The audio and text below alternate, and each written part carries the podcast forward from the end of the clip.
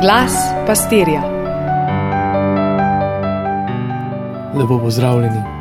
Ne toliko zaradi prvega šolskega dne, ki je zdaj te dni za nami, ampak tudi zaradi božje eh, besede. Se malo podamo v šolske klopi, v veručne klopi.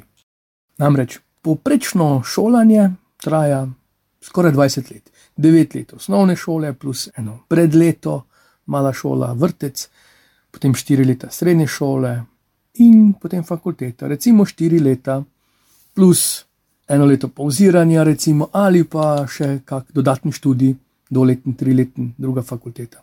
Kaj nas nauči?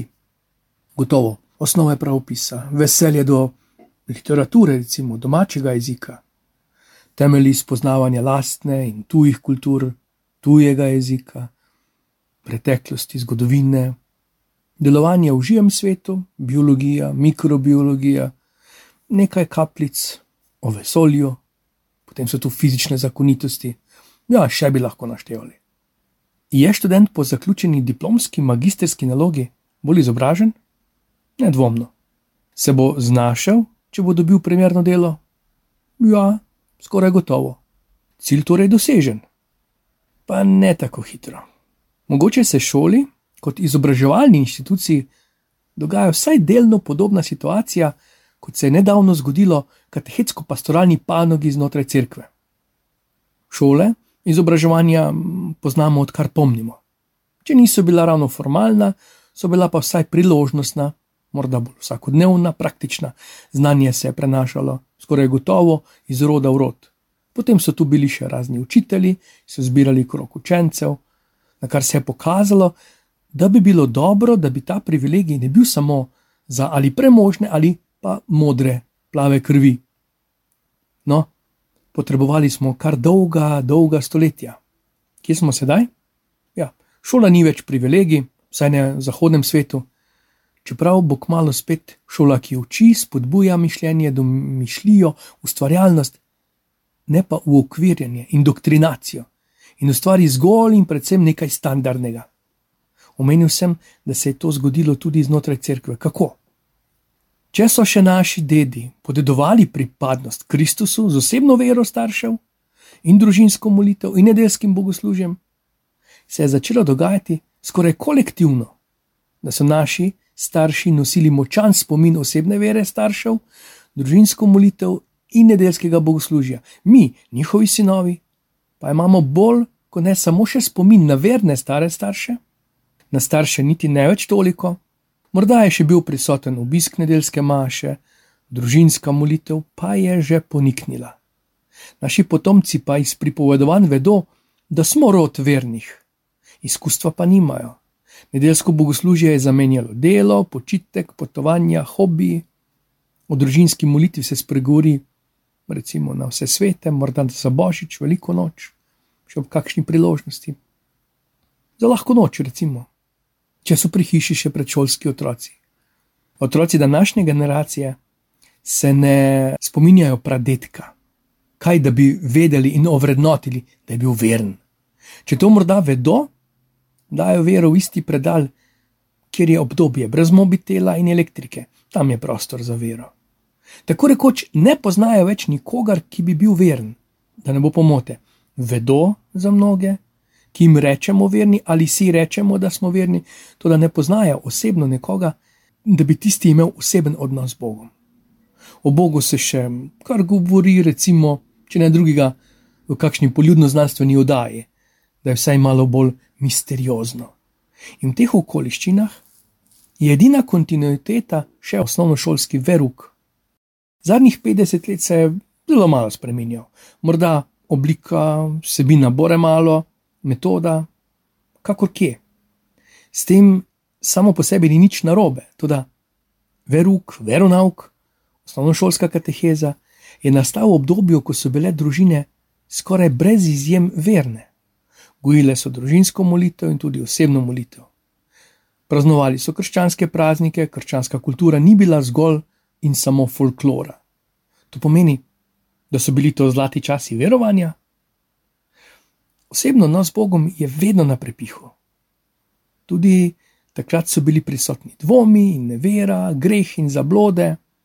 Tudi veruk je predpostavljal, da otroci, ki prihajajo na srečanja s katehetom, ne samo ločijo med veliko nočjo in božičem, da se ne samo znajo pokrižati in našteti božje zapovedi, ampak da dejansko molijo in tudi po svojih zmožnostih verujejo, imajo oseben odnos z Bogom. Veruk ni bil edini prostor srečanja otroka z osnovami, tako na duhovnem, kot na verskem in intelektualnem področju. Zdaj pa je skoraj čez noč, tako se vse zdi, nastal vakum. Otroci še prihajajo k veruku, ta pa je stoletja daleč od njihovega življenja. Doma jih ne čaka prostor vere, v šoli na dvorišču niso mišljenikov ali so iskalcev vere. Otrok je ostal sam, pa še to, ker je prisiljen, ker je upisan. Starši ga upišejo v glasbeno šolo, karatejo, on si izbere še kakšne šolske dejavnosti, in med vsem tem se znajde še ura, ki niti ni to veruka. Ne gre se več za osebno nos z Bogom. V najboljšem primeru se gre še: Jaz sem hodil k veruku, zato bo še on. Ali nič slabega se tam ne bo naučila. Torej smo v obdobju te generacije pripeljali vero na nivo destilirane vode v kapslu. Ta placebo pa potem vzamemo kot tabletko za spanje. Morda pa bo vsaj malo delovalo, škodilo gotovo ne bo. In zakaj sem rekel, da se je v podobni situaciji znašla šola? Ker je odnegdaj bila posredovalka dejstev. Je bila tista, ki je, ki, ki je bila usta uh, znanosti, temeljila je na strokovnosti, na stroki. Danes pa počasi postaje spet prostor ideologije, ne govorim za Slovenijo, govorim za celotno področje eh, šolskega sistema. Po eni strani odprt prostor za vsakega, ki je drugačen, hkrati pa na področju življenja ne omogoča niti stavka, ki bi vprašal, omajal, dvomil. Pa vendar to vedno prvi stavek znanosti. Dvom, vprašanje, vprašanje, dvom. Torej, če po 20 letih šolovanja ne ločim raznice od laži, mi nič ne koristi, da obvladam delovanje proteina, eh, aminokisline, da znam eh, kemijske formule brez kalkulatorja zračunati kvadratni koren trimestnega števila. Šola je predvidevala, da se sporedno ob izobraževanju dogaja tudi celostni proces zorenja, osebnostne rasti otroka, v mladostnika, v odraslega. Zdaj pa nekako ne vemo več, kdo je zakaj odgovoren. Na koncu ostane otrok, ki je na nek način v središču pozornosti, pa vendarle sam.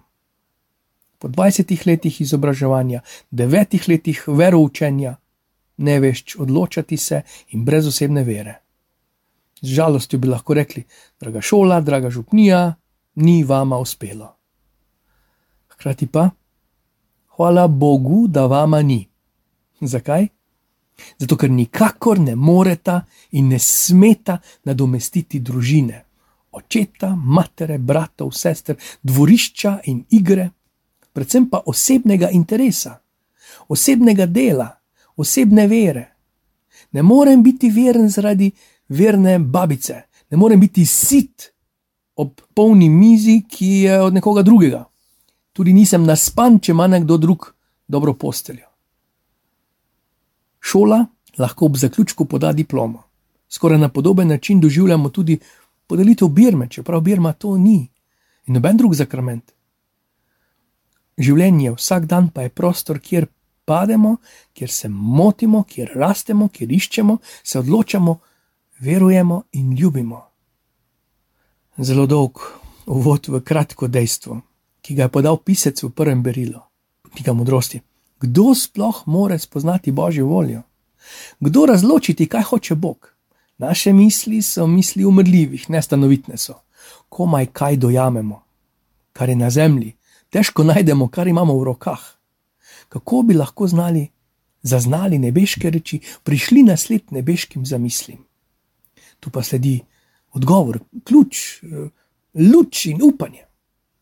Kdo bi sploh lahko kaj spoznal, pravi, ko bi ne bil ti dal modrosti, ko bi ti ne bil poslal svojega svetega duha. Tu se začne pot in ta pot se z modrostjo ravna, pravi Božja beseda, in vodi do cilja. Ne po naši zmožnosti, dodaja, ampak po modrosti, ki je Božja, smo rešeni. Torej, ni potrebno ovreči šole ali zavreči kateheze veruka. Dodajmo srčno prošnjo psalmista, Gospod, daj spoznanje, da pridemo do srčne modrosti.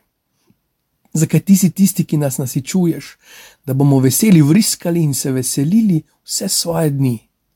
Današnji psalm. Smo žalostni, napeti, potrti. Gotovo so to težki dnevi. Napačne odločitve nas hromijo, toliko krat ne znamo eh, ven, odnosi so krhki, naš ego je trdovraten, razočarani smo nad seboj, prijatelji, znanostjo, skoraj nad življenjem. Ampak spomnimo se, drobna kresnička v temni noči izvabi iskro v očeh, pa ogen v srcu. Ta kresnička je lahko iskrena prošnja v srcu. Gospod, pošli svojega svetega duha. Obljubil si, da nas ne boš pustil same daj naj v meni požene dar modrosti, da bi videl, kot vidiš ti, da bi ti zaupal, da bi veroval, da bi ljubil. Se že iskri, Bogu hvala, vse dobro.